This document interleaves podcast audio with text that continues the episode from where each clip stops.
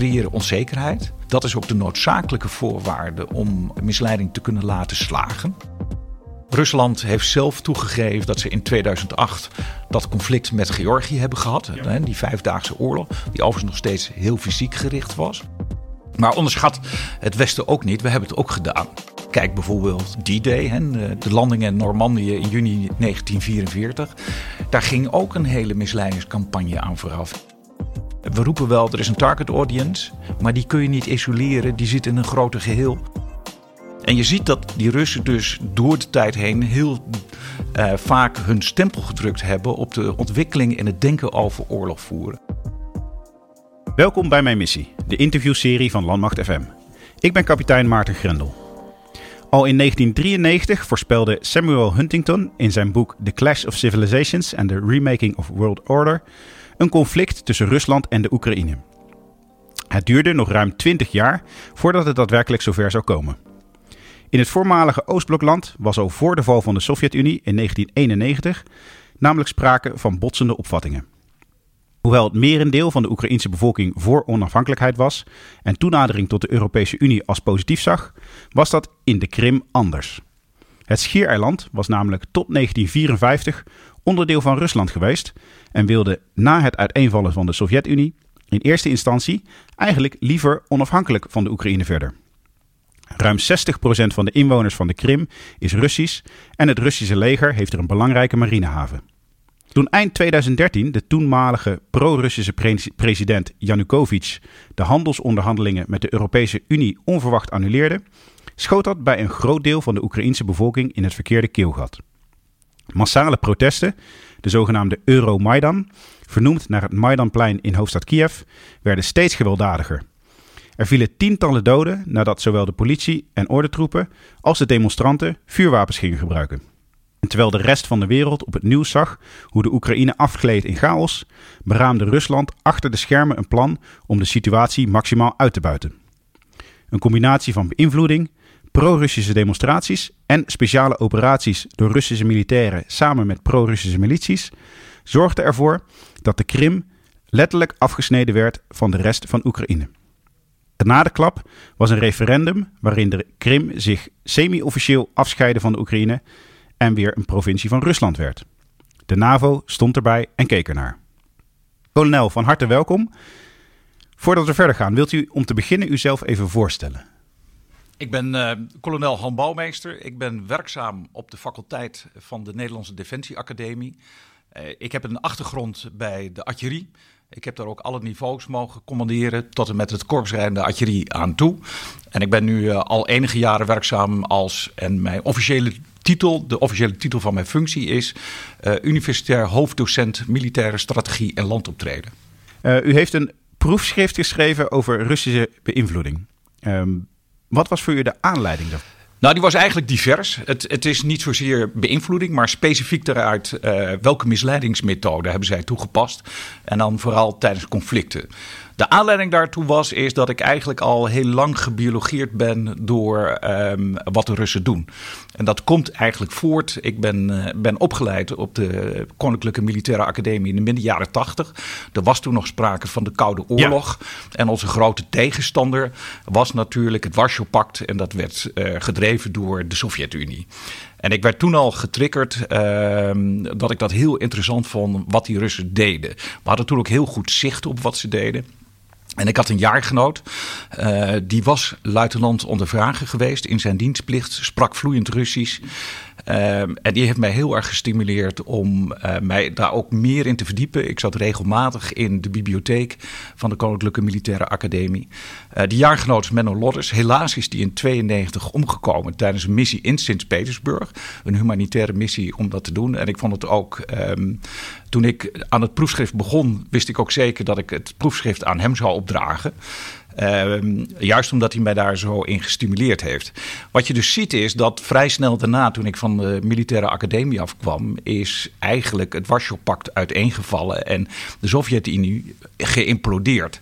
En toen is het jarenlang van onze radar verdwenen, omdat ze zelf intern heel veel problemen hadden. Ja. En wij dat eigenlijk geen factor meer inschatten die mee zou doen op het hele wereldtoneel.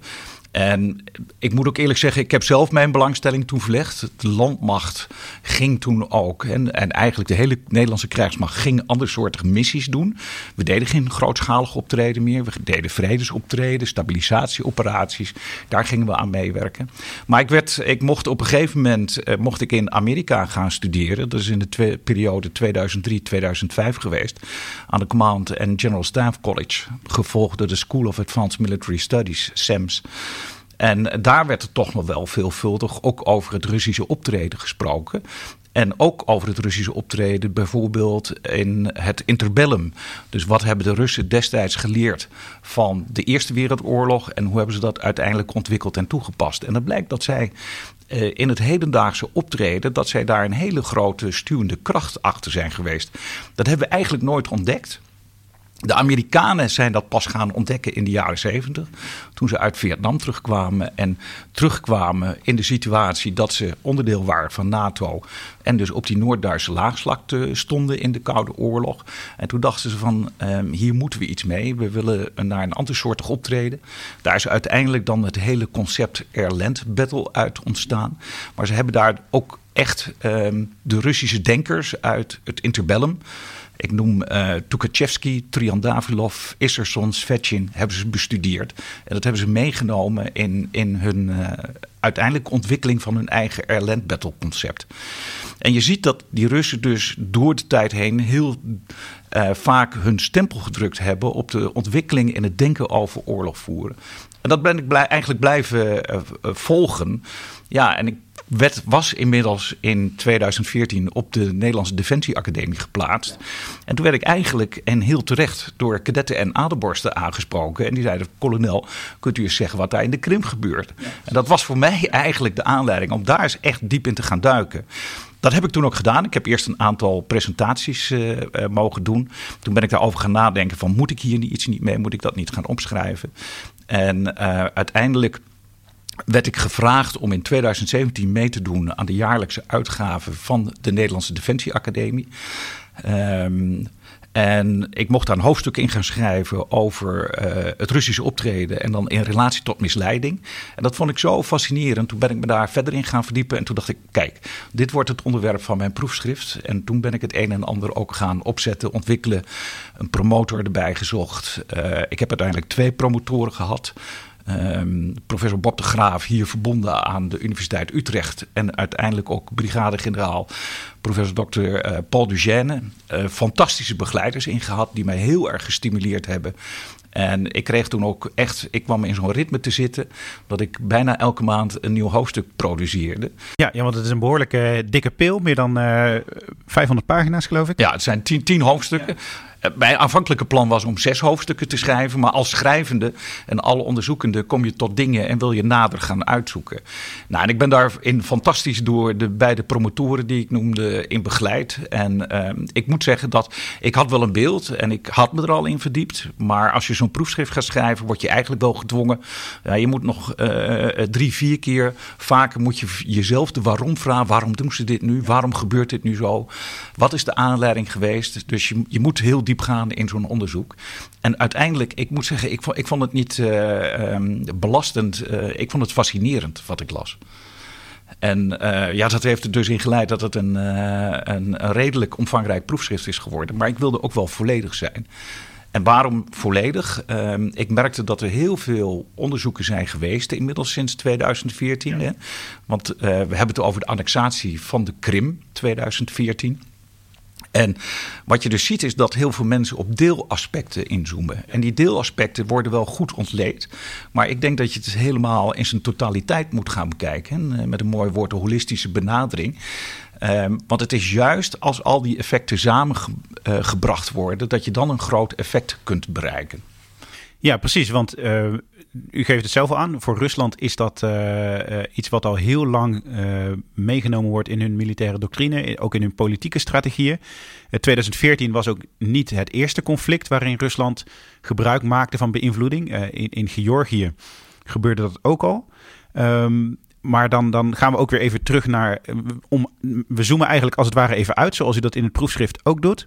En dan komt de vraag naar boven van waarom speelt beïnvloeding zo'n grote rol in het Russische denken? Nou ja, kijk, in feite doen wij ook aan beïnvloeding. En beïnvloeding hebben wij altijd, eh, voor zover het de krijgsmacht betreft, vertaald. in dat dat een harde beïnvloeding moest zijn, zoals dat genoemd wordt. En dat is hen het beïnvloeden met uh, bombs en bullets. Ehm, maar in feite, en beïnvloeding gaat vooraf aan besluitvorming. Want daar heb je het eigenlijk over. En je wilt eigenlijk je opponent, je tegenstander, tot andere inzichten doen laten komen. En dat hij andere besluiten gaat nemen. Hè, en op grond daarvan tot een andere gedachte komt of anders gaat handelen. Nou, dan moet je dus gaan voor gaan zitten. En beïnvloeden wil eigenlijk zeggen dat je ja, hem een, een soort setje geeft. Dat hij dus de andere richting in gaat. Dat hij aanvankelijk uh, zelf van plan was. Dit is een vergaande vorm van beïnvloeding. Hè? Dan, heb je het ook vaak over manipulatie uh, in deze. Maar beïnvloeding, uh, de hele, je hele dagelijkse leven zit vol beïnvloeding. Alle beelden, alles wat je ziet en wat je ongemerkt vastlegt, daarmee word je ook beïnvloed. En kijk, ehm, de televisie, radio beïnvloedt ons ook. Ondanks dat ze soms zeggen dat ze onafhankelijke televisiezenders zijn of televisieprogramma's maken, nieuwszenders zijn, je wordt beïnvloed reclame is ook zo'n heel sterk uh, voorbeeld. Alle films en alle uh, um, um, toneelstukken die wij bekijken, is ook een vorm van beïnvloeding. Dus het zit heel sterk in het dagelijks leven. We zijn ons daar lang niet altijd van bewust. Maar je kunt, als je dat gaat gebruiken in ja, de veiligheidsomgeving. En, uh, en, dan zit je te denken daar waar staten of niet-statelijke actoren en staten met elkaar in botsing komen. Ja, dan wordt er snel gedacht, de enige manier van beïnvloeding is dus met bombs en bullets. Maar ja, je ziet dus nu dat dat, en dat is ook wel, het is niet nieuw hoor, maar de, de, de aandacht ervoor is veel meer dat we, en de laatste tien jaar gekomen. En hoe komt dat? Hè? Eh, door, ook door onze operaties Afghanistan, Irak. Dat je daar een tegenstander hebt die lang niet zo'n groot defensiebudget heeft. Die niet zoveel middelen heeft. Die niet qua technologie ontzettende uh, geavanceerde uh, voertuigen, apparatuur, vliegtuigen, noem maar heeft. En die gaat dus anders nadenken. En die gaat denken: hoe kan ik mijn opponent ook op een andere manier beïnvloeden. Nou ja, en die hebben dus al op een vroegtijdig, in een vroegtijdig stadium de informatieomgeving en alles wat daarbij hoort, uh, de internet, de social media ontdekt.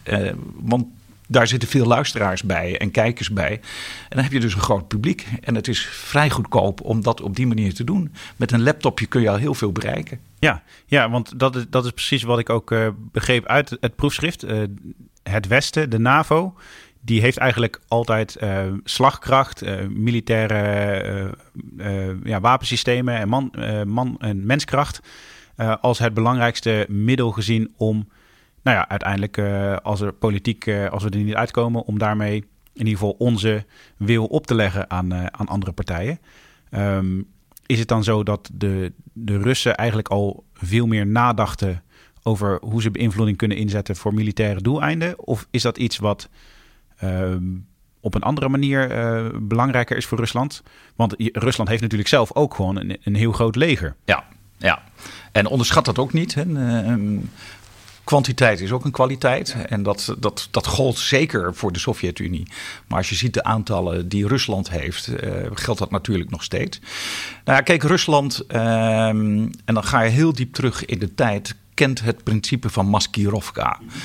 Um, de herkomst, hè, er zit eigenlijk ook een beetje het woord Nederland, het Nederlandse woord maskeren zit daarin. Ja. Um, en dat wil zeggen dat je dus dingen verbergt. Maar het is voor hun een kapstokbegrip waar allerlei mogelijke vormen van camouflage, beïnvloeding uh, onder zit. Uh, uh, dat gaat heel diep terug in de tijd. En als je ehm, historische werken van de Russen zelf, dan herleiden ze dat eigenlijk al tot 1380. De slag bij Kulikova en waarbij dus Russen de um, de Mongolen hebben verslagen. En daar is voor het eerst misleiding bij gebruikt. En ze zeggen van door de tijd heen zijn we dat, dat is ons zo goed bevallen. Door de tijd heen hebben we het altijd gebruikt. En dan wordt een soort tweede natuur in je optreden. Maar onderschat het Westen ook niet. We hebben het ook gedaan. Wij hebben zeker tot en met de Tweede Wereldoorlog. Kijk bijvoorbeeld uh, D-Day, de, de landing in Normandië in juni 1944. Daar ging ook een hele misleidingscampagne aan vooraf. Hè? De operatie Fortitude, we hadden zelfs Fortitude North en South. Waarin dus en in eerste instantie uh, gesuggereerd werd dat misschien wel Noorwegen of het noordelijk deel van Europa. En Fortitude Noord wat dat. Uh, Fortitude South uh, had heel duidelijk de, de blik gericht op het nou van Calais. Dat het daar zou gebeuren. En juist dus niet Normandië. En dat is wel een voorbeeld dat je bijna op strategisch niveau ook bezig bent met, uh, met misleiding. Ja, daarna zie je dus dat we een, een, een, bijna 15 jaar lang in, in die nucleaire wapens hebben geloofd. Hè? De, de, de strategie van MAD, Mutual Assured uh, Destruction.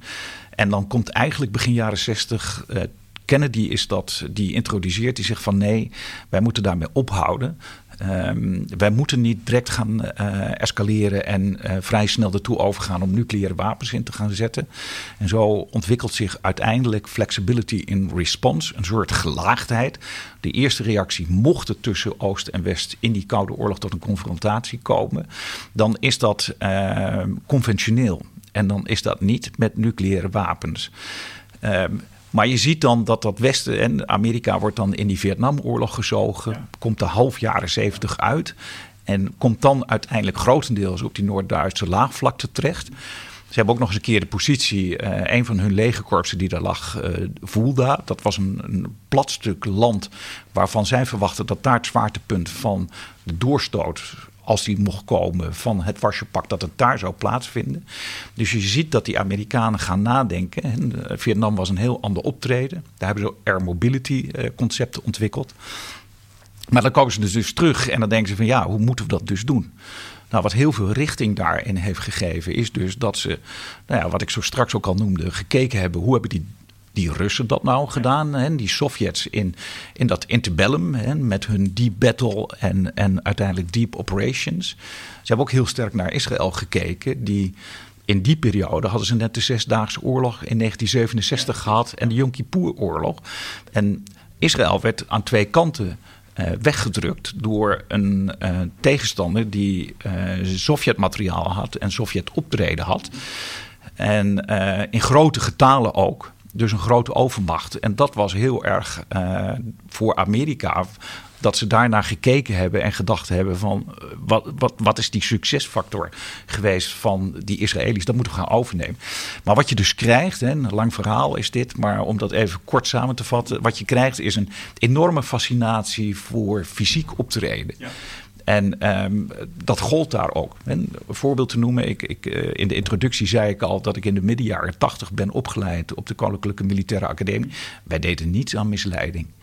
Hooguit een keer wat op groepsniveau, dat je daarover sprak. Maar heel, echt veel over misleiding hebben wij niet gedaan omdat wij echt, wij, wij vertrouwden op een, op een uh, technologische superioriteit, die we ook hadden, denk ik. En, en wellicht nog steeds hebben, uh, als je dat wereldwijd bekijkt. Um, maar je moet er ook mee oppassen, want um, oorlog voeren is nog steeds iets wat mensen doen. En je moet je ook verplaatsen in uh, hoe je mensen kunt beïnvloeden. En, en uh, bombs en bullets is één, maar bits, bytes en soundbites is twee. En dat is wel iets wat, ja, waar we de laatste 10, 15 jaar steeds meer achter komen. En wat zich nu heel sterk gaat ontwikkelen, omdat we daar heel veel voorbeelden van zien. En omdat we ook heel sterk nadenken over wat is nou de invloed van al die social media op het beïnvloeden van mensen. Ja, ja, precies. En daar, daar wil ik het straks ook graag nog even over hebben. Ik, ik moet overigens zeggen dat tijdens mijn KMA-periode, 2005 eh, tot 2009, dat toen precies hetzelfde gebeurde. Um, verrassend optreden om de vijand te misleiden, dat, dat werd wel verteld dat dat uh, nou ja, slim is om te doen. Maar inderdaad echt op, uh, op groeps- en pelotonsniveau. Maar zeker niet de, de strategische ideeën daarachter. Nee, dat, dat, daar zijn ook redenen voor. En kijk, we hebben in de jaren negentig en in uh, de periode van 2000 tot 2010 Um, hebben we natuurlijk heel veel aan vredesoperaties en stabilisatieoperaties bijgedragen.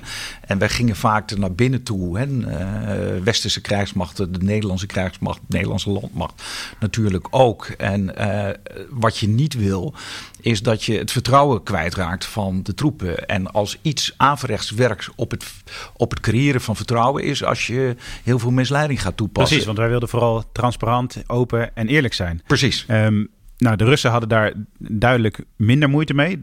En daardoor kwam eigenlijk in 2014 die, eh, die annexatie van de Krim. Um, in, in mijn optiek voor de hele NAVO als een verrassing. Uh, want ondanks dat we uh, blijkbaar wel de, de, Russische doctrines hebben bestudeerd, de Russi het Russische denken en het Russische optreden, um, had men dit niet zien aankomen. Of denkt u daar anders over? Nee, het was een, een, een redelijke verrassing.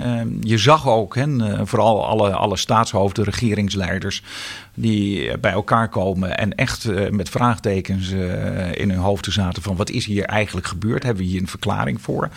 En je ziet dat ook op de hogere staven binnen de NAVO er gezocht moest worden van wat is hier nu eigenlijk aan de hand. En, waar ik in het begin ook al aan refereerde, Rusland was redelijk omdat we dat geen machtsfactor meer vonden. Omdat ze genoeg trubbels intern hebben gehad. Um, wat, en en uh, was eigenlijk van onze radar min of meer verdwenen. En je ziet dat het dan in één keer heel rap moet. En toen zijn we ook vrij snel vanuit de NAVO met die Gerasimov-doctrine gekomen. Dat is later ook weer weersproken. Hè. Dat staat ook in mijn proefschrift. Degene uh, die gevraagd werd, Mark Caliotti, die heeft snel een vertaling daarvan gemaakt. Die vertaling schijnt niet heel uh, goed te zijn geweest. Uh, en die heeft er gewoon zijn artikel de Gerasimov-doctrine genoemd. Uh, waarom? Omdat Gerasimov was de chefstaf van de Russische strijdkrachten. Dus plakken we die titel er maar op. Later bleek gewoon dat Gerasimov al eerder in 2013 een toespraak had gehouden op hun uh, militaire academie. En dat is later in een artikel verworden. En dat artikel is dus uh, slecht vertaald en in de westerse pers ook terechtgekomen. En eigenlijk ook op het bordje van heel veel beleidsmakers van de NAVO. En daarmee was eigenlijk ontstaan van zo treedt Rusland op. Wat het eigenlijk bedoeld was, Gerasimov heeft gezegd van nee, ik wil een discussie starten in, in uh, de Russische federatie, in, in onze eigen troepen. Omdat zij ook wel een cultuur hebben. Die, hè, zij hebben eigenlijk ook een soort tegenhangen van de militaire spectator. Waarin af en toe ook de discussies gevoerd wordt over ontwikkelingen en optreden. En dat wilde hij ontketenen. Uh, ik moet wel eerlijk zeggen, het is niet zo dat alles wat in wat wij de Gerasimov-doctrine zijn gaan noemen, dat Rusland dat niet doet. Maar het is aanvankelijk bedoeld als een, als een reflectie. En hij wilde een discussie starten op hoe het Westen 25 jaar lang had opgetreden. En hij keek vooral naar uh, uh, Irak, Afghanistan. Maar wat zeker heel veel pijn heeft gedaan bij de Russische Federatie, is in 1999 de Kosovo-oorlog. Ja. Omdat zij ook een min of meer culturele band met Servië hebben. En zij vonden dat ze daar um, enorm buitenspel gezet zijn. En uh, dat heeft heel erg pijn gedaan. En um, ja, dat was wel een van de, de oorzaken waarom Gerasimov zei van hoe doet dat Westen dat nu? wat moeten wij gaan doen als Russische federatie? Je ziet overigens wel, hè, als je 2014 kijkt, als je dat hele, die hele annexatie gaat ontleden, er zijn wel veel dingen die Gerasimov geroepen heeft destijds. Dus het is niet helemaal zo dat, dat het eigenlijk iets compleets anders is geweest. Maar je moet goed even, wat is de aanleiding geweest van Gerasimov om dat artikel te gaan publiceren? En dat is niet te zeggen van zo treden wij dus op. Maar hoe komt dat? Ja, wij waren dus hè, uh, Rusland redelijk kwijtgeraakt. En toen bood dat artikel in één keer uh, bood voor ons een soort duiding van wat daar gebeurd is. Dus dat is eigenlijk grotendeels de aanleiding geweest. Hè, de Gerasimov-doctrine die toen uh, rondging. Eigenlijk moet je Eén of twee jaar daarna, uh, 2015, is hun directeur operatie, André Kartopolov. Die heeft eigenlijk toen gezegd van ja, met die input waar Gerasimov mee begonnen is. Eigenlijk is dit onze doctrine. En dan zie je dus dat er wel een gelaagdheid is. Er komen veel elementen uit die zeker in de uh, informatieomgeving zitten. Maar vlak ook die Russische strijdkrachten niet uit, want die treden gewoon conventioneel op. Ja. En daarnaast, wat daar nog eens een keer bij hoort, hebben ze gezegd van als je kijkt naar de ontwikkelingen in het Westen met robotica en autonomous systems, 3D-printing, uh, daar lopen ze 20, 25 jaar op ons voor. Wij moeten ons daar, ook als we nieuwe wapensystemen gaan ontwikkelen, moeten we ons daarop gaan richten. Dus dat is eigenlijk. Uh, en als je, als je eigenlijk de, de annexatie van de Krim daar naast legt en het gaat ontleden, dan is dat eigenlijk die, wat die, die hele doctrine die Kartopolev toen uh, ontwikkeld heeft, dat is eigenlijk hun daadwerkelijke optreden geweest. Ja, ja en dat was een, een grote wake-up call eigenlijk voor de NAVO. Ja. Um, en dat heeft ook geleid tot het, het eigenlijk een verandering in het denken van ons, waar de Russen al mee bezig waren. Want wat wij hybride oorlogvoering noemen, dat gebeurde al en dat, dat kwam tot uiting ook in 2014. Ja, ja in feite waren wij ook wel bezig. Hè? Ook al in die periode tussen 2000 en 2010 um, waren wij al wel bezig met de ontwikkeling van information operations. Ik ben zelf uh, commandant PRT 7 geweest in 2009. In de TFU-staf zat ook een information operations officier. Uh, die zich daar al verboog. Maar het had bij ons nog niet de volle aandacht. Um, we deden het. We wisten dat we dat ook moesten gaan ontwikkelen. Maar in, in, um, zoals Rusland dat uiteindelijk dan een aantal jaren daarna in 2014 gaat toepassen. Ja, dat, was, dat is wel een versnelling geweest in ons denken van we moeten dit ook verder gaan ontwikkelen. Nou ja, je ziet uh, afgelopen november, hè, uh, november 2020, is nu ook bij de landmacht het wapen uh, van de informatiemanoeuvre ja. opgericht. Om toch ja, ook daarin bij te blijven. Hè. Dat zijn de nieuwe stappen in uh, de ontwikkeling van oorlogvoering. We doen het al, hè, maar nu gaan we dat ook echt uh, in onze organisatie opnemen. Precies, nu, nu hebben we het echt geïntegreerd. Um, wat de Russen misschien al veel langer deden. Ik, ik, wil nog even terug naar een beetje de praktische kant van hoe de Russen dat dan doen. Want uh, in uw proefschrift heeft u het ook over verschillende methodes van beïnvloeding en uh, uh, voorbeelden daarvan. Uh, zou u daar een aantal van, van kunnen geven? Voor, Ja, in feite heb je, en dat, dat, heb ik al gezegd, hè, ehm, je, je, zou eigenlijk een soort tweedeling kunnen maken, heel grofmazig. Dat is um, de softe beïnvloeding. Dat is vooral met, met indrukken, met beelden, met informatie. aan de andere kant kun je natuurlijk ook nog steeds beïnvloeden met wapensystemen. Ja. Dat is de harde kant. Ehm, dus die tweedeling zou je kunnen maken. Ga je ook kijken naar wat, hè, als je dan specifiek, en dat is ook wat ik in mijn proefschrift gedaan heb, uh, als je specifiek gaat kijken wat Rusland in, uh, met de annexatie van de Krim heeft gedaan. En dan kijk ik ook vooral de vormen van beïnvloeding die tot een soort misleiding hebben geleid. Dan kun je eigenlijk zeggen is dat ze, um, ze creëren onzekerheid. Dat is ook de noodzakelijke voorwaarde om um, misleiding te kunnen laten slagen. Want als er geen onzekerheid is, ja, als jij exact weet wat je tegenstander gaat doen. En de tegenstander weet ook exact wat jij gaat doen, dan is misleiding heel erg lastig. Dat gaat niet plaatsvinden, want je weet al van elkaar wat je gaat doen. En dat lijkt voor de hand te liggen, maar je moet er wel over nadenken dat je dus een, een situatie creëert die heel erg voor de besluitvormers die daarin zitten heel erg onzeker gaat worden. En ik zal daar zo meteen nog wel iets over vertellen. En wat je wil bereiken uiteindelijk met die misleiding, dat zijn eigenlijk twee soorten effecten. Verrassing. En verrassing verlamt eigenlijk besluitvormers. Hè. Dat kan, hè. dat hoeft niet altijd. Hè. Je kunt er ook alert door worden. Maar het geeft een, een emotionele, psychologische reactie uh, bij besluitvormers.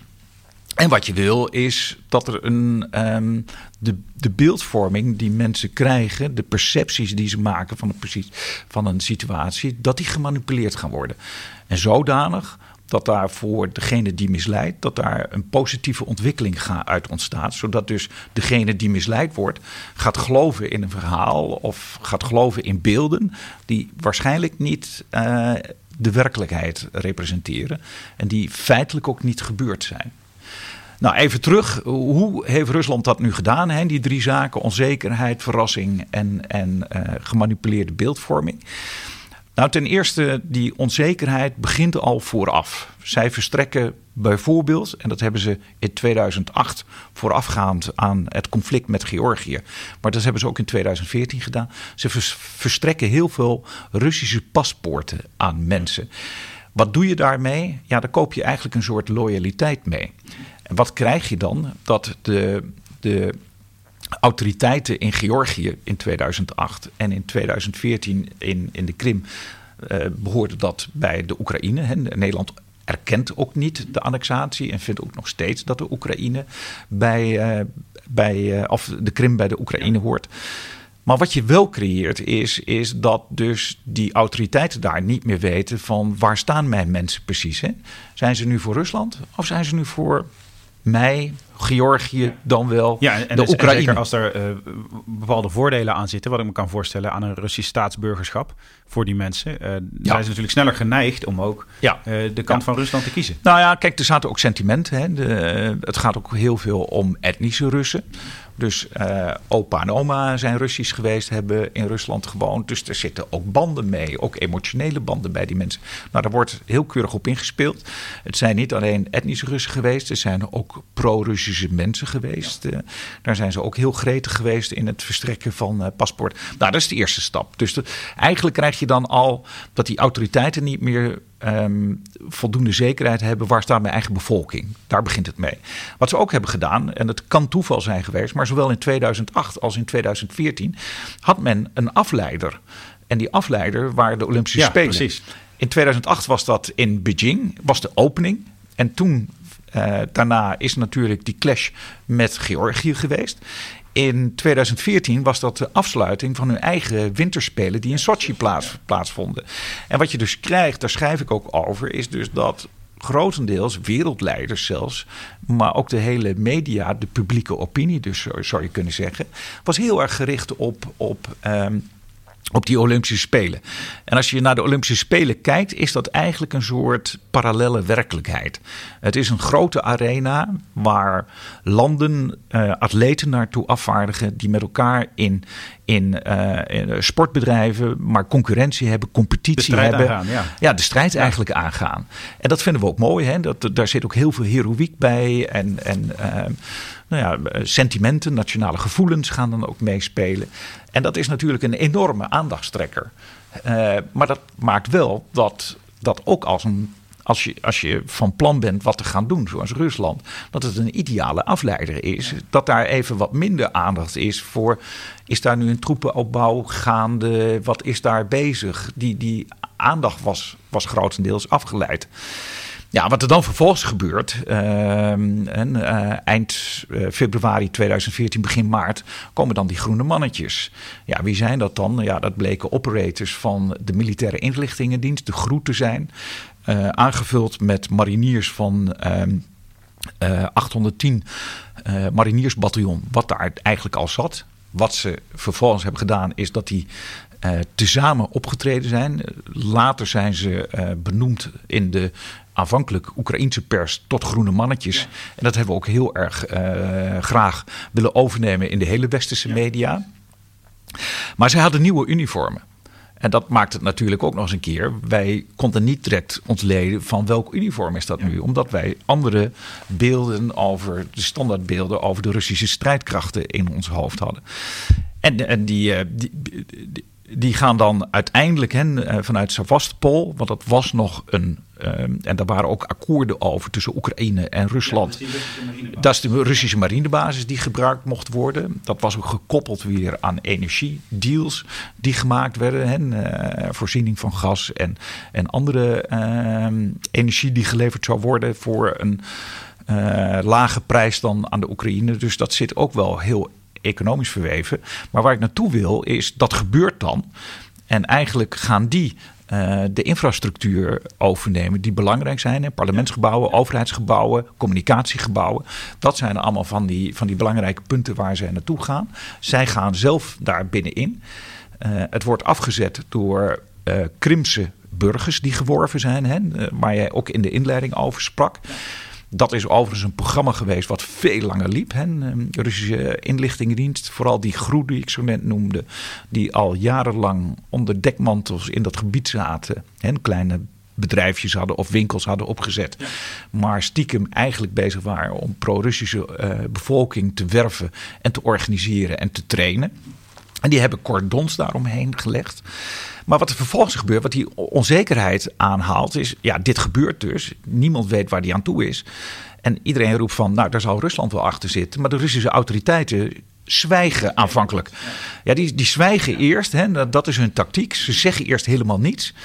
En dan, als ze dat eigenlijk niet meer lang kunnen volhouden, ontkennen ze. Dus dat is nog eens een keer een extra factor waarbij, waarbij mensen dan vertwijfeld blijven zitten. Van ja, uh, het waren toch die Russen, maar die Russen zeggen dat ze dat niet gedaan hebben. Dus dat zijn eigenlijk, dat is een opeenstapeling van al die factoren waardoor die onzekerheid gaat ontstaan. Nou ja, goed. En dan dat snelle optreden met, met, die, met die operators. Hè, uh, dat zijn toch special forces.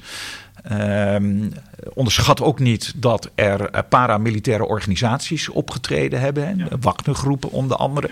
Die daar al voor het eerst zichtbaar was. Dan die georganiseerde burgers. Ja, dat geeft ook heel veel verrassing. Uh, kan ik je op een briefje schrijven. En binnen een paar dagen was ook die uh, motorgang, de Nightwolves, ja. was daar ook al aanwezig. Hè, ook intimiderend uh, zijn. Nou, en dan gaat er vervolgens, hè, daarmee ontstaat ook een totaal verkeerd beeld over wat daar plaatsvindt. Dan heb je het eigenlijk al ook over die derde factor, die gemanipuleerde beeldvorming die dan plaatsvindt.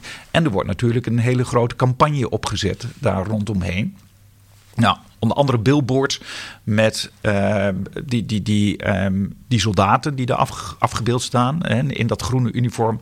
Zonder rangonderscheidingstekens, zonder stickers. En, ja. Zodat ze ook niet te herleiden zijn. En die worden dan afgebeeld. Dan staan ze eigenlijk voor de Russische adelaar op een dusdanige manier dat je eigenlijk alleen nog maar de vleugels ziet. En ja, dan lijkt het ook alsof de, de, de engel op aarde is gedaald. die hier de verlossing kon brengen.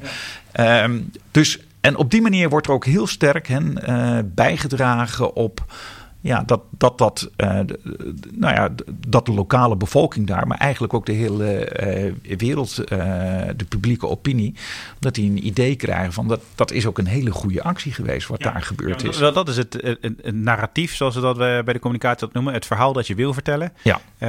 zoals Rusland dat deed, leek het eigenlijk alsof iedereen het wel goed vond dat de Krim geannexeerd werd, dat de, de hele bevolking van de Krim het daarmee eens was.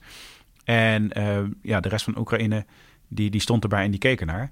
Uh, maar was dat in de praktijk ook, ook zo? Of hebben ze gewoon heel goed ieder tegengeluid weten te smoren? Nou ja, kijk, er waren natuurlijk wel uh, tegenbewegingen. Die waren er zeker. Waar die grootschalig? Nee, dat waren ze niet. Daar moet je ook eerlijk in zijn.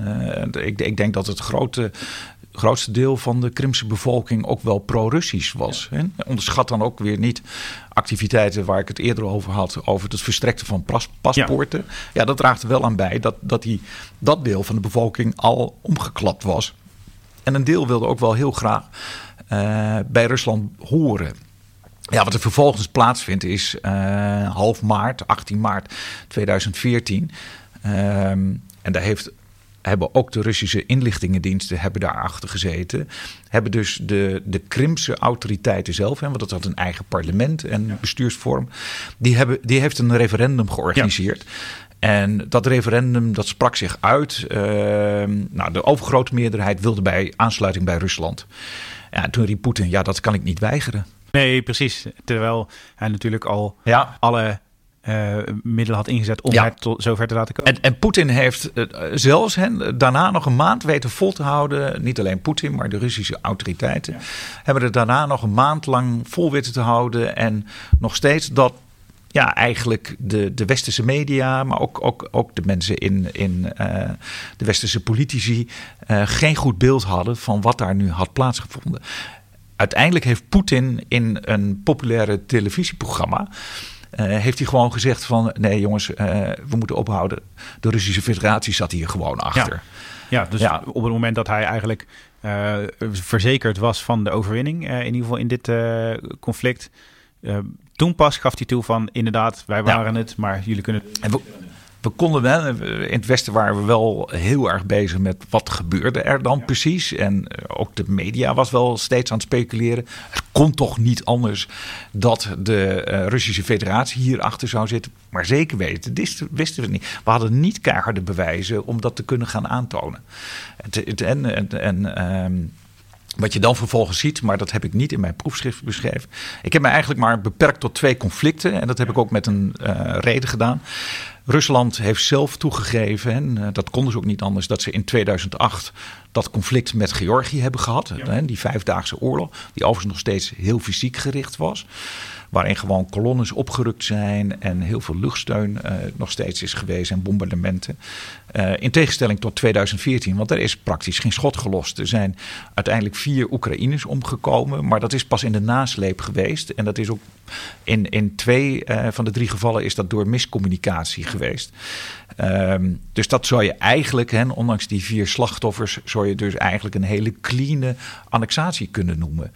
Uh, vanuit het oogpunt van geen slachtoffers verder gevallen. En ehm, ja, dat, dat vond ik toch wel zeer opmerkelijk wat daar gebeurd is. En dat was voor mij ook wel een van de grootste redenen. En nu wil ik weten wat er gebeurd is. Ja, nee, dat, dat, helemaal beeld bij. En, en dat is ook denk ik een, uh, een interessant uitgangspunt voor um, een, een discussie. Want u gaf al aan dat we als, als NAVO en ook als Nederland uh, wat minder heil zien in, in die Russische methodes. Omdat wij graag eerlijk en transparant willen zijn.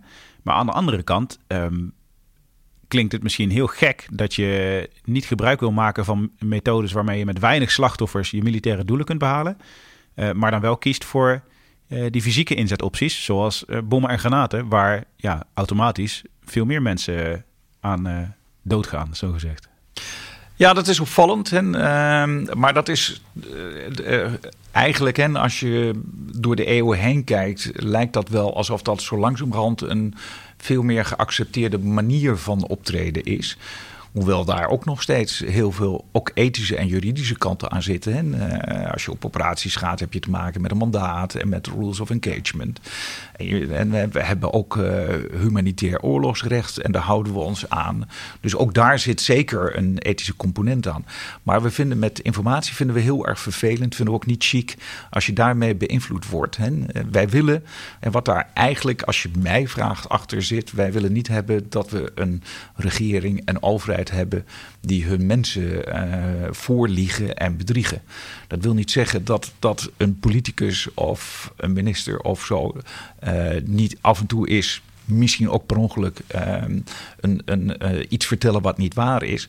Maar het uitgangspunt in onze westerse democratieën is, is dat je je mensen niet voorliegt. Wij houden niet van twee dingen. Een overheid mag niet liegen en een overheid moet niet betuttelend zijn. Dat, dat zijn eigenlijk twee uitgangsprincipes.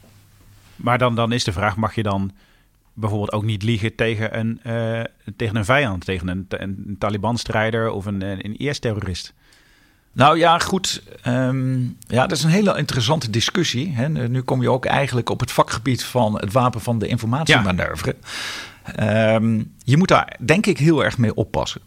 En dat heeft te maken, hè, uh, ook, ook in, in, in dit soort vormen met informatieoperaties. En ook als je het over uh, beïnvloedende strategische communicatie hebt.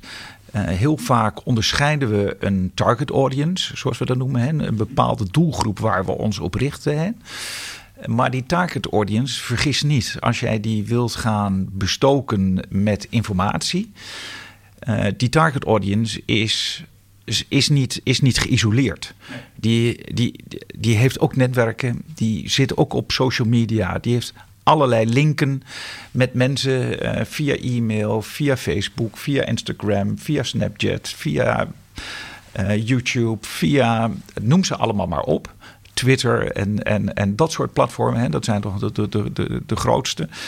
Um, dus als jij je bericht gaat verspreiden naar die targeted audience, um, in tegenstelling tot wat, hè, want ze roepen wel eens dat informatie het nieuwe wapen is. Ik roep altijd informatie is de nieuwe munitie. En de computer en de communicatiemiddelen, dat zijn onze wapens, onze nieuwe wapens. En informatie is de munitie. Alleen het heeft een andere uitwerking dan de munitie zoals kogels en granaten. Ja, die, die hebben kogelbanen en die hebben ricochetwerking. En dat kunnen we redelijk goed inschatten. Heel af en toe uh, mikken we verkeerd en ontstaat er uh, collateral damage. Maar met informatie werkt dat heel anders. Want je, je deelt je informatie met je beoogde doel, hè, met je target audience. Maar die is ook weer gelinkt met allerlei zaken. Dus je kunt eigenlijk binnen een. Tegenwoordig, hè, met alle snelheid, kun je misschien binnen een paar nanoseconden. krijg je een soort backfire, een boemerangwerking van je eigen informatie. die op je eigen bevolking uh, terugslaat. En de vraag is: wil je dat? Want dan kom je ook naar je eigen bevolking en dan moet je ook aan je eigen legitimiteit gaan denken. Wil je dat op die manier? Dus ik ben daar heel voorzichtig in. Ik weet dat er mensen ook zijn die daar graag uh, op een wat offensievere manier. van als onze opponent dat nou steeds doet, moeten we dat dan ook doen. Um, ik ben daar wat voorzichtiger in. En met name, um, we roepen wel, er is een target audience. Maar die kun je niet isoleren, die zit in een groter geheel. En dan loop je dus ook de kans dat, ondanks dat je nou ja, een leugentje verstuurt naar je tegenstander. Dat leugentje ligt binnen twee nanoseconden, ligt dat ook weer terug in Nederland. Ja. En dat komt op de radio en dan denk je, oeh, dit moet ik niet hebben.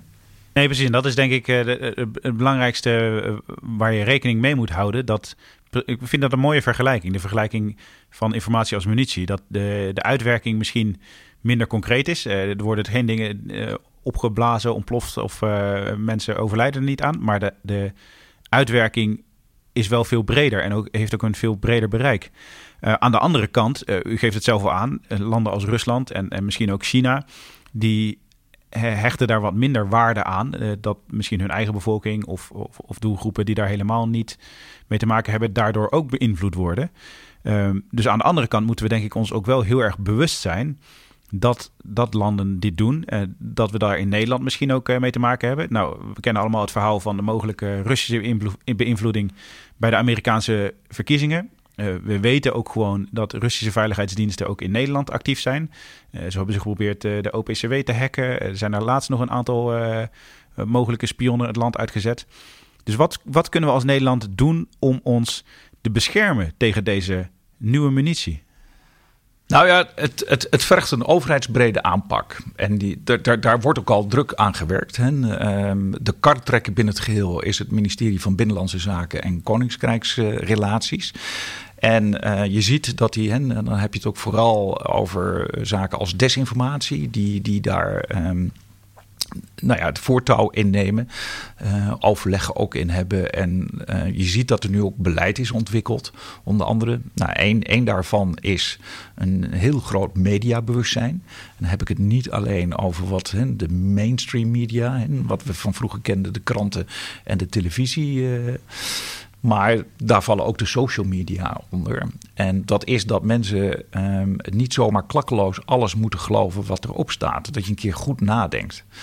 En dat je ook dieper nadenkt en denkt van nou dit klopt niet. En nu ga ik dat ook eens kijken of ik dat misschien um, in een ander televisieprogramma hoor. hoor ik, en stel dat je het van de televisie haalt. Stel dat je het van... Uh, een van de Nederlandse kanalen haalt. Uh, het staat je vrij om dan te kijken, doet uh, BBC dat ook? Doet Al Jazeera dat ook? Doet, uh, en en zo, zo kun je dus een aantal buitenlandse zenders.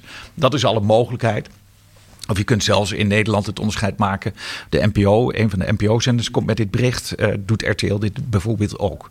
Ehm, zo kun je dus gaan vergelijken. En je kunt ook nog eens een keer kijken, staat het dan ook nog in een van de kranten? Hè?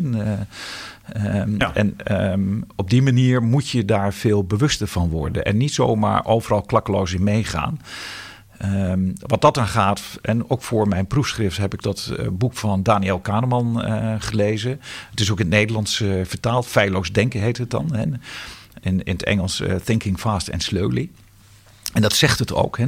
Kahneman onderscheidt eigenlijk twee um, de werking van je hersens in twee systemen. Systeem 1 is dat je heel impulsief snel reageert op een aantal zaken. Het tweede systeem zegt: neem nou even de tijd, verwerk het nou eerst, denk erover na, ga eens op zoek naar een tegenbericht. En kijk nou eens of het dan, uh, wat voor mening je dan over vormt. Maar het gekke is, de wereld waarin wij leven, waarin zoveel informatie voorhanden is en ook hoe snel dat voorhanden is, maakt het eigenlijk dat heel veel mensen alleen maar in dat systeem 1 denken blijven zitten, impulsief gaan reageren en weer impulsief op impulsieve reacties gaan reageren. En dan krijg je dus dat er eigenlijk, hè, dat is die mediawijsheid die we veel beter moeten gaan onderwijzen. Daar zijn we mee bezig op de Nederlandse Defensieacademie, hè, om, om onze kadetten en aderborsten, onze toekomstige officieren, daar goed in te onderwijzen. Maar het is niet iets, uh, het alleen recht voor de krijgsmacht. Um, ik, ik, ik begrijp, hè, en daar is vanuit Binnenlandse Zaken is men over bezig om dat überhaupt wat meer plek te geven in het onderwijs. Dat dat wat meer aangemoedigd wordt op al, in alle lagen van de bevolking. Want daar zou dat eigenlijk uh, ook moeten gebeuren. Ja, en, en als je nou ja, nu een blik werpt op uh, social media, denk ik dat dat ook echt wel nodig is. Want wat mij opvalt is, uh, zeker in, in de, de tijd waarin we nu zitten, in de coronacrisis, um, dat je steeds vaker ziet dat mensen vatbaar zijn voor desinformatie, voor complottheorieën. Ja. Uh, en ik heb, uh, ik heb wel eens een spreekwoord gehoord, dat vind ik een hele mooie. Uh, dat stelt dat het makkelijker is om iemand te misleiden dan om te vertellen dat hij misleid wordt. Um, gekoppeld aan de verschillende manieren van denken die u net aanhaalt, is dat, zit dat gewoon in de menselijke natuur. Um, dus is het ook zo dat mensen ook van nature vatbaar zijn voor beïnvloeding, voor misleiding. Nou ja, goed, daar worden nu heel veel onderzoeken naar gedaan. Ehm, wat ik al wel begrepen heb, is kijk, veel fake news, nepnieuws, um, alternative facts hoe je het maar noemt. En ook uh, de complottheorieën. Overigens heb ik daar ook aandacht aan geschonken in mijn, uh, in mijn proefschrift. Wil ik zo ook nog wel iets over vertellen. Maar daar gaat wel, het wijkt af van het standaard. En daar gaat iets um, sensationeels of iets fascinerends vanuit. En dan worden wij als mens daar heel erg vrij snel in, in meegezogen en meegetrokken. Dat je dat uh, daarin gaat. Kijk, uh, het wordt allemaal nog onderzocht, maar er schijnt een, en het, het blijft langer hangen omdat we, dat, uh, omdat we daar veel meer op gericht zijn. Omdat we iets horen waarvan we denken: van, nou, dit, dit is echt iets absoluut uh, heel apart wat ik nu hoor. En dat is dat fascinerende, soms dat sensationele. Ja. En, en het, het speelt vaak ook in op emotionele zaken. Het speelt in op je waarden en normen. Uh, het gaat ook af en toe een beetje schuren. Dat je denkt van, oeh, dit, dit. Uh, maar aan de andere kant, uh, dat het nou gebeurt is wel fascinerend. Ja, dat is mens eigen dat dat gebeurt. En, en daar word je gaandeweg in meegezogen. Um, maar de onderste steen is nog niet boven. Dus er wordt nog heel veel onderzoek in, in verricht. En ik, ik volg dat ook. Ik vind dat buitengewoon zelf ook interessant om te zien hoe dat nou tot stand komt. Ja. dan even over die complottheorieën. Ja, dat is wel iets wat de laatste het is de, de, aandacht daarop. Hè. Complottheorieën zijn ook niet nieuw. We doen het al veel langer. Uh, de aandacht daarvoor is, is uh, de laatste jaren enorm toegenomen. Heeft natuurlijk ook met ontwikkelingen in Amerika te maken. Hè. Amerika is wel een land waar ook veel complottheorieën in uh, voorkomen. Overigens niet het enige land. Hè. ik besteed er ook aandacht aan in mijn proefschrift. Er zijn al eeuwenlang complottheorieën. En nou ja, goed, uh, er zijn ook andere delen van de wereld, Midden-Oosten, daar kom je ook veel complottheorieën. Um, maar je hebt, tegenwoordig is er eigenlijk sprake van een eerste generatie en een tweede generatie complottheorie. En die tweede generatie is nou eigenlijk maar sinds een jaar of twee, drie uh, van kracht. De, aanvankelijk is het zo dat um, mensen geloven niet in toeval. Die willen een verklaring hebben voor iets wat er gebeurt.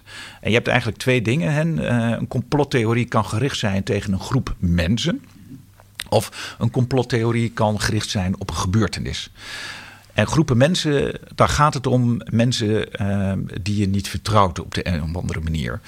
Uh, veel gehoorde voorbeelden daarvan zijn uh, communisten, Joden, uh, de kliek in Hollywood, vrijmetselarij. Dat ja, zijn allemaal ja, voorbeelden. Hè? Een beetje, ook een beetje geheime genootschappen wat daarachter zit. De Bilderberg groep. Daar gaan allemaal complottheorieën over. En wat, wat houdt dat nou in? Nou, degene die uh, vatbaar is voor zo'n complottheorie of die het zelf uh, ontwerpt. Ja, die voelt dat er een grotere groep is, een grotere macht, die ook heel machtig is. Die heel goed is in het plannen van gebeurtenissen. Daar ook de totale regie in heeft, alle informatie ook in heeft. Want die houdt dat, die, die stuurt dat aan en die doet dat. En die laat dat ook bewust plaatsvinden. En de rest, waar dan degene die gelooft in zo'n complottheorie uh, het slachtoffer van wordt. Er zit een heel sterk van zij zijn groot en ik ben klein. Hè, dat Calimero-effect zit daarachter. En het, een complot, hè, een complot is altijd iets tussen meerdere mensen. Een complot gaat niet over één iemand. Hè. Er is een groep en, en die doet dat. Complotten kunnen overigens ook waar zijn. Hè. Ehm, denk bijvoorbeeld aan de Watergate, daar was een complot. In feite is, en er worden ook voorbeelden van gegeven, de hele Holocaust. Hè. De Wannsee-conferentie in, in 1942, waar gewoon een club uh, misdadige Duitsers bij elkaar komt en besluiten uh, wat er uiteindelijk met het Jodenvraagstuk in Europa moet gebeuren. Dat zijn ook complotten, maar dat zijn geen theorieën. Die zijn daadwerkelijk gebeurd. Nou, theorieën is dat we er dus over gaan fantaseren wat er gebeurd is. En zoeken naar een mogelijke verklaring wat daarin gebeurd is. En er zit vaak wat emotionaliteit in. Het is soms heel lastig om die te weerleggen. Uh, en daardoor gaan mensen er ook wel in geloven. En met name als je dan zegt, het, het gaat in tegen de gevestigde orde. Ja, die gevestigde orde, hè, of het nou wetenschappers zijn of journalisten.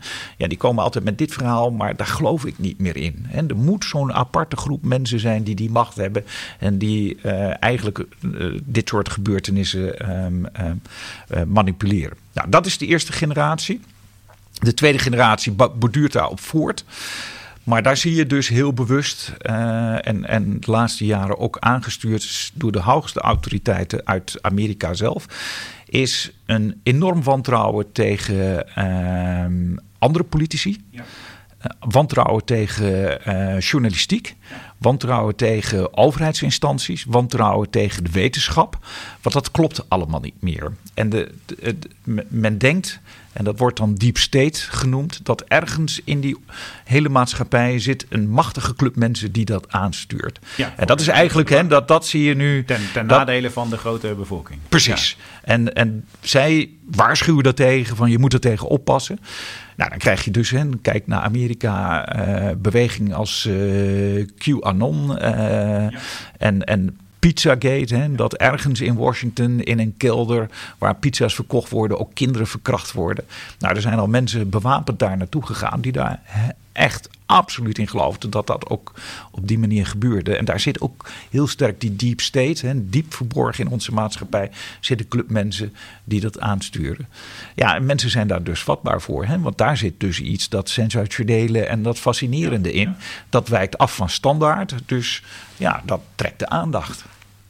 Ja, maar uh, u gaf het net al aan. Uh, belangrijk daarbij is dat, dat we daarin gewoon goed blijven zoeken naar, nou ja, niet uitgaan van één bron, ook kijken naar andere bronnen. Um, maar aan de andere kant is dat soms lastig, omdat mensen vaak toch wel vatbaarder zijn voor de informatie die hun vermoedens bevestigt.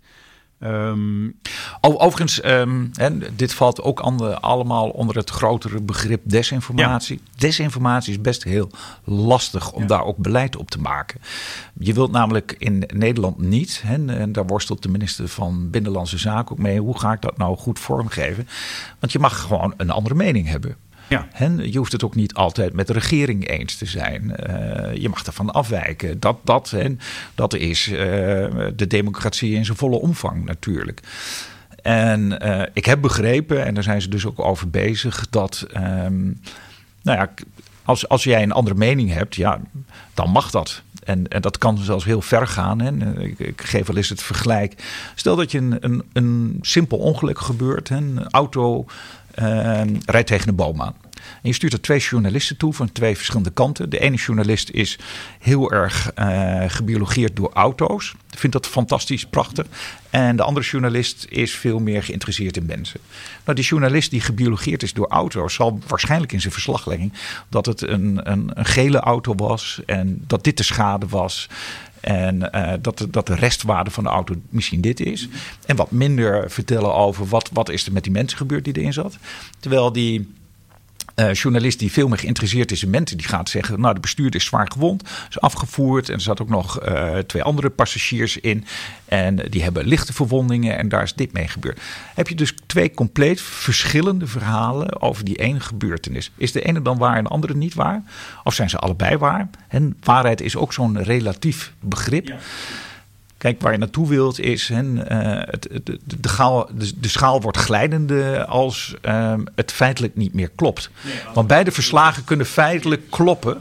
Hè, uh, maar als er wordt gezegd van het is niet een auto die tegen een boom is gereden, maar het is een auto die tegen een huis is gereden. En het was geen auto, het was een bus. Dan kloppen de feiten eigenlijk niet meer. Hè, en dan, wordt het, dan, dan kom je echt op een glijdende schaal terecht. Maar daar wil de minister ook niet in verstrikt raken. Want dat zijn discussies van wat jij misschien. En als, als jij informatie hoort, ook van waar je aan twijfelt. Of het is informatie waarvan je zegt van nou, dat hoor ik liever niet. Want het komt mij helemaal niet uit dat dit verteld wordt. Want dat speelt mij uh, absoluut, uh, keert zich tegen mij ja, dan is dat heel lastig. Maar uh, dat is niet de informatie die dan direct de kop indrukt. Uh, ja. nee, waar je mee moet oppassen uh, met, met desinformatie. Kijk, je, het, het kan gaan om, om informatie die.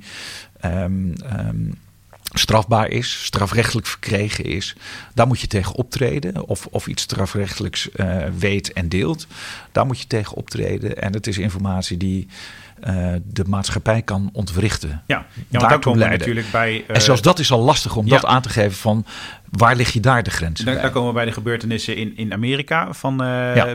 begin dit jaar. een president die bepaalde dingen roept, vervolgens bestormt een hele groep mensen het kapitool, waarbij gewoon doden vallen.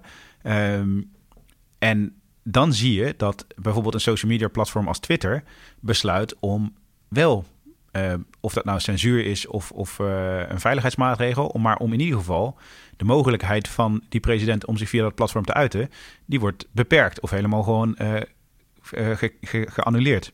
Um, dus dat is denk ik ook wel een, een, een, belangrijke, dat de rol van social media in desinformatie, waar, waar we eerst dachten van ja, vrijheid van meningsuiting is het allerbelangrijkste, dat daar nu mensen ook wat bewuster van worden wat voor invloed dat heeft. Ja, dat, maar dat maakt ook onderdeel uit van het beleid van uh, de minister van Binnenlandse Zaken. Dat is één. Hè. Uh, mediawijsheid is één. Maar uh, rond de tafel gaan zitten met dit soort grote social media platforms.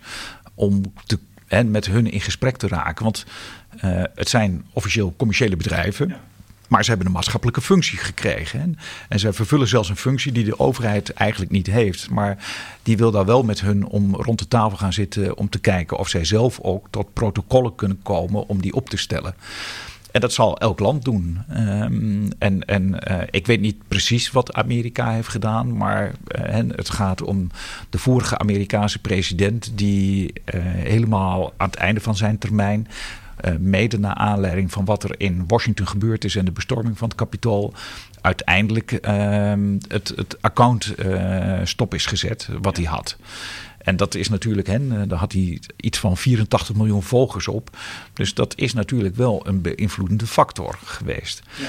En ehm, het is niet aan mij, hè, uh, maar dat, dat, daar, daar, zijn juristen voor en rechtszaken om nou ook daadwerkelijk te gaan aantonen. Was er nou die link tussen wat hij riep, wat hij gedeeld heeft op Twitter en wat hij geroepen heeft vooraf? Um, wat toe, daadwerkelijk toe aanleiding is geweest dat die rellen hebben plaatsgevonden. Nou, dat, dat moet je nader gaan onderzoeken. Um, en dat, dat geeft dan waarschijnlijk ook wel aan of het daadwerkelijk gerechtvaardigd is geweest om zijn Twitter-account af te sluiten. Ja, ja, en dan is de cirkel als het ware weer rond. Want dan, dan zie je dat informatie uiteindelijk ook leidt tot, tot effecten in het fysieke domein. Um, u gaf het al aan, eind vorig jaar is het uh, wapen van de informatiemanoeuvre opgericht. Als communicatieadviseur val ik daar uh, inmiddels ook onder. En, en, wat voor rol ziet u voor de landmacht en, en specifieker misschien voor de informatiemanoeuvre in de strijd tegen desinformatie, in het bewust maken van de Nederlandse bevolking daar, daarbij of, uh, of andere uh, ja, noodzakelijke veranderingen? Nou ja, kijk, waar dit wapen, en uh, daar vallen twee korpsen onder: uh, inlichting en veiligheid en communication en engagement. Um, wat zit daaronder is dat je dus binnen dit wapen heel goed gaat verdiepen in wat zijn allerlei verschijnselen, in welke hoedanigheden kan informatie terugkomen. Hè? Het kan ook zijn zien van beelden, acties uh, alle acties genereren ook percepties. Dus dat is ook eigenlijk een manier van communiceren. Nou, daar moet je dus heel goed over gaan nadenken. Je moet daarbij ook gaan scherp krijgen van op welke manier kun je daarmee beïnvloeden. Uh, er zit natuurlijk een hele sterke ethische kant aan. Uh, wat wil ik hiermee, wat wil ik hier niet mee? Ehm, maar je moet ook gaan nadenken. Uh, het is goed wel om die ontwikkelingen ook te kijken, ook wat niet mag. Niet zozeer om die zelf te gebruiken. Maar je moet er natuurlijk ook uh, over nadenken: hoe kan ik mezelf beschermen? En dat dan ook delen. Hè? Uh, hoe kun je de krijgsmacht beschermen tegen dit soort invloeden? En misschien moet je dat wel groter, maatschappelijker delen. Als je daar inzichten in hebt van hoe kan nou die beïnvloeding plaatsvinden en waar kan dat toe leiden. Dus daar zit ook een hele beschermende factor achter. Maar als je me vraagt van wat moet nou in dat in, wapen van de informatievoorziening zitten, ja, dan, dan zijn dat dus alle allerlei vormen van hoe kun je informatie inzetten. Hoe kan ik mij daartegen beschermen. Maar het is ook breder. Hè? Er zit ook military diplomacy. Information operations. Er zit CIMIC-achtige activiteiten ja. bij. Het is heel breed ook. Hè? Overal waar je indrukken achterlaat. En, um, en wat daar heel erg belangrijk bij is, wat ook wel een uh, punt is, wat we ons ook binnen de hele landmacht goed uh, moeten realiseren.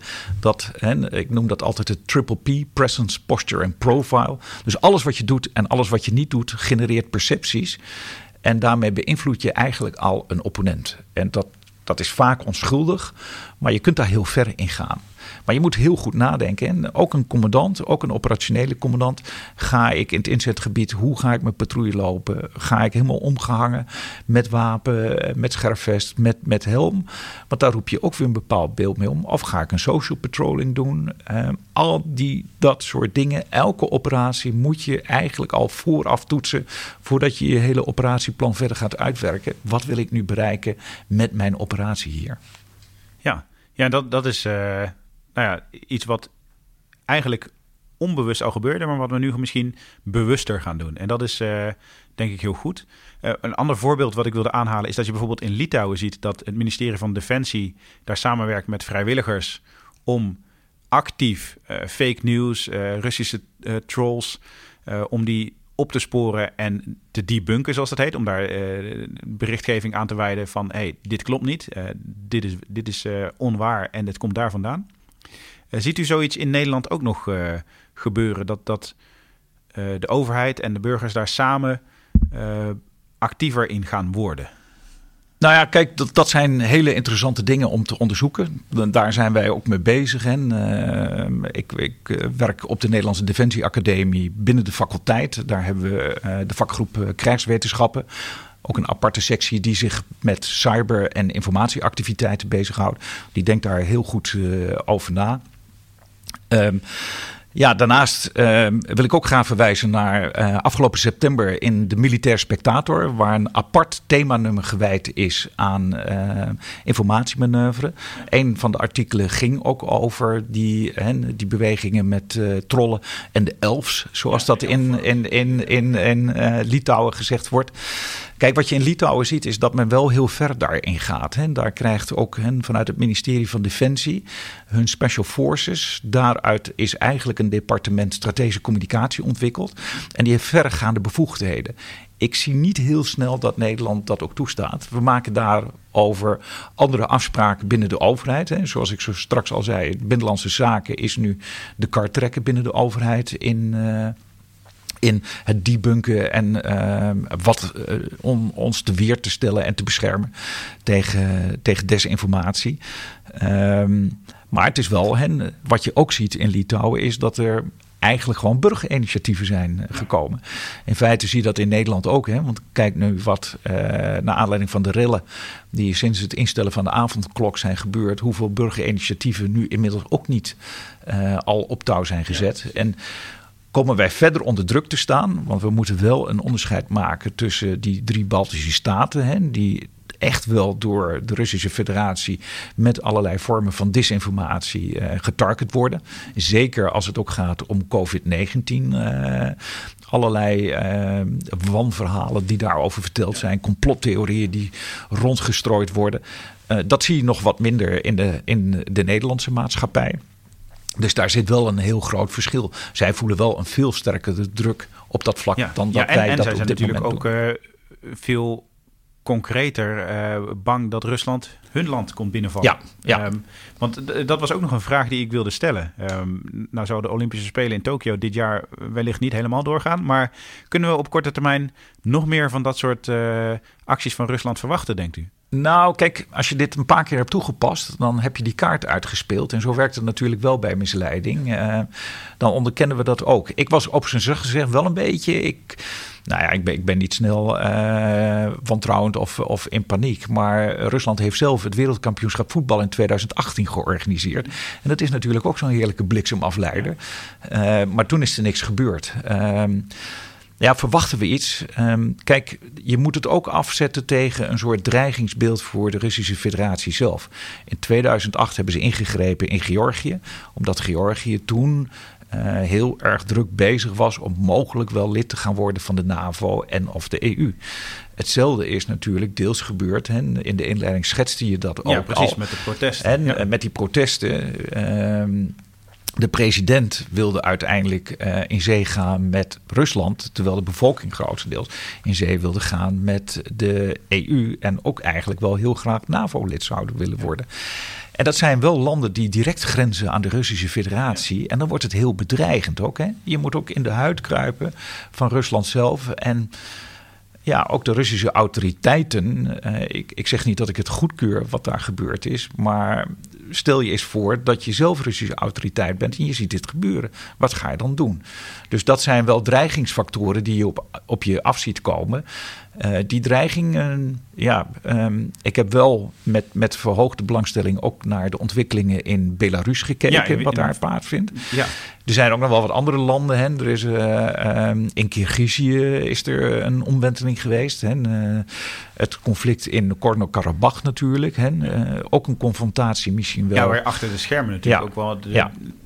En wat is de rol van Turkije daarin geweest? Uh, en, en in hoeverre botst dat? En in hoeverre raakt ons dat ook als NAVO op die manier? Dus ja, daar ben ik wel elke keer aan het kijken. Ik zie niet die, die, directe dreigingen die uitgingen. waardoor Rusland heeft ingegrepen in 2008 in Georgië. en Rusland in heeft gegrepen in de Krim in 2014. Dat zie ik momenteel niet.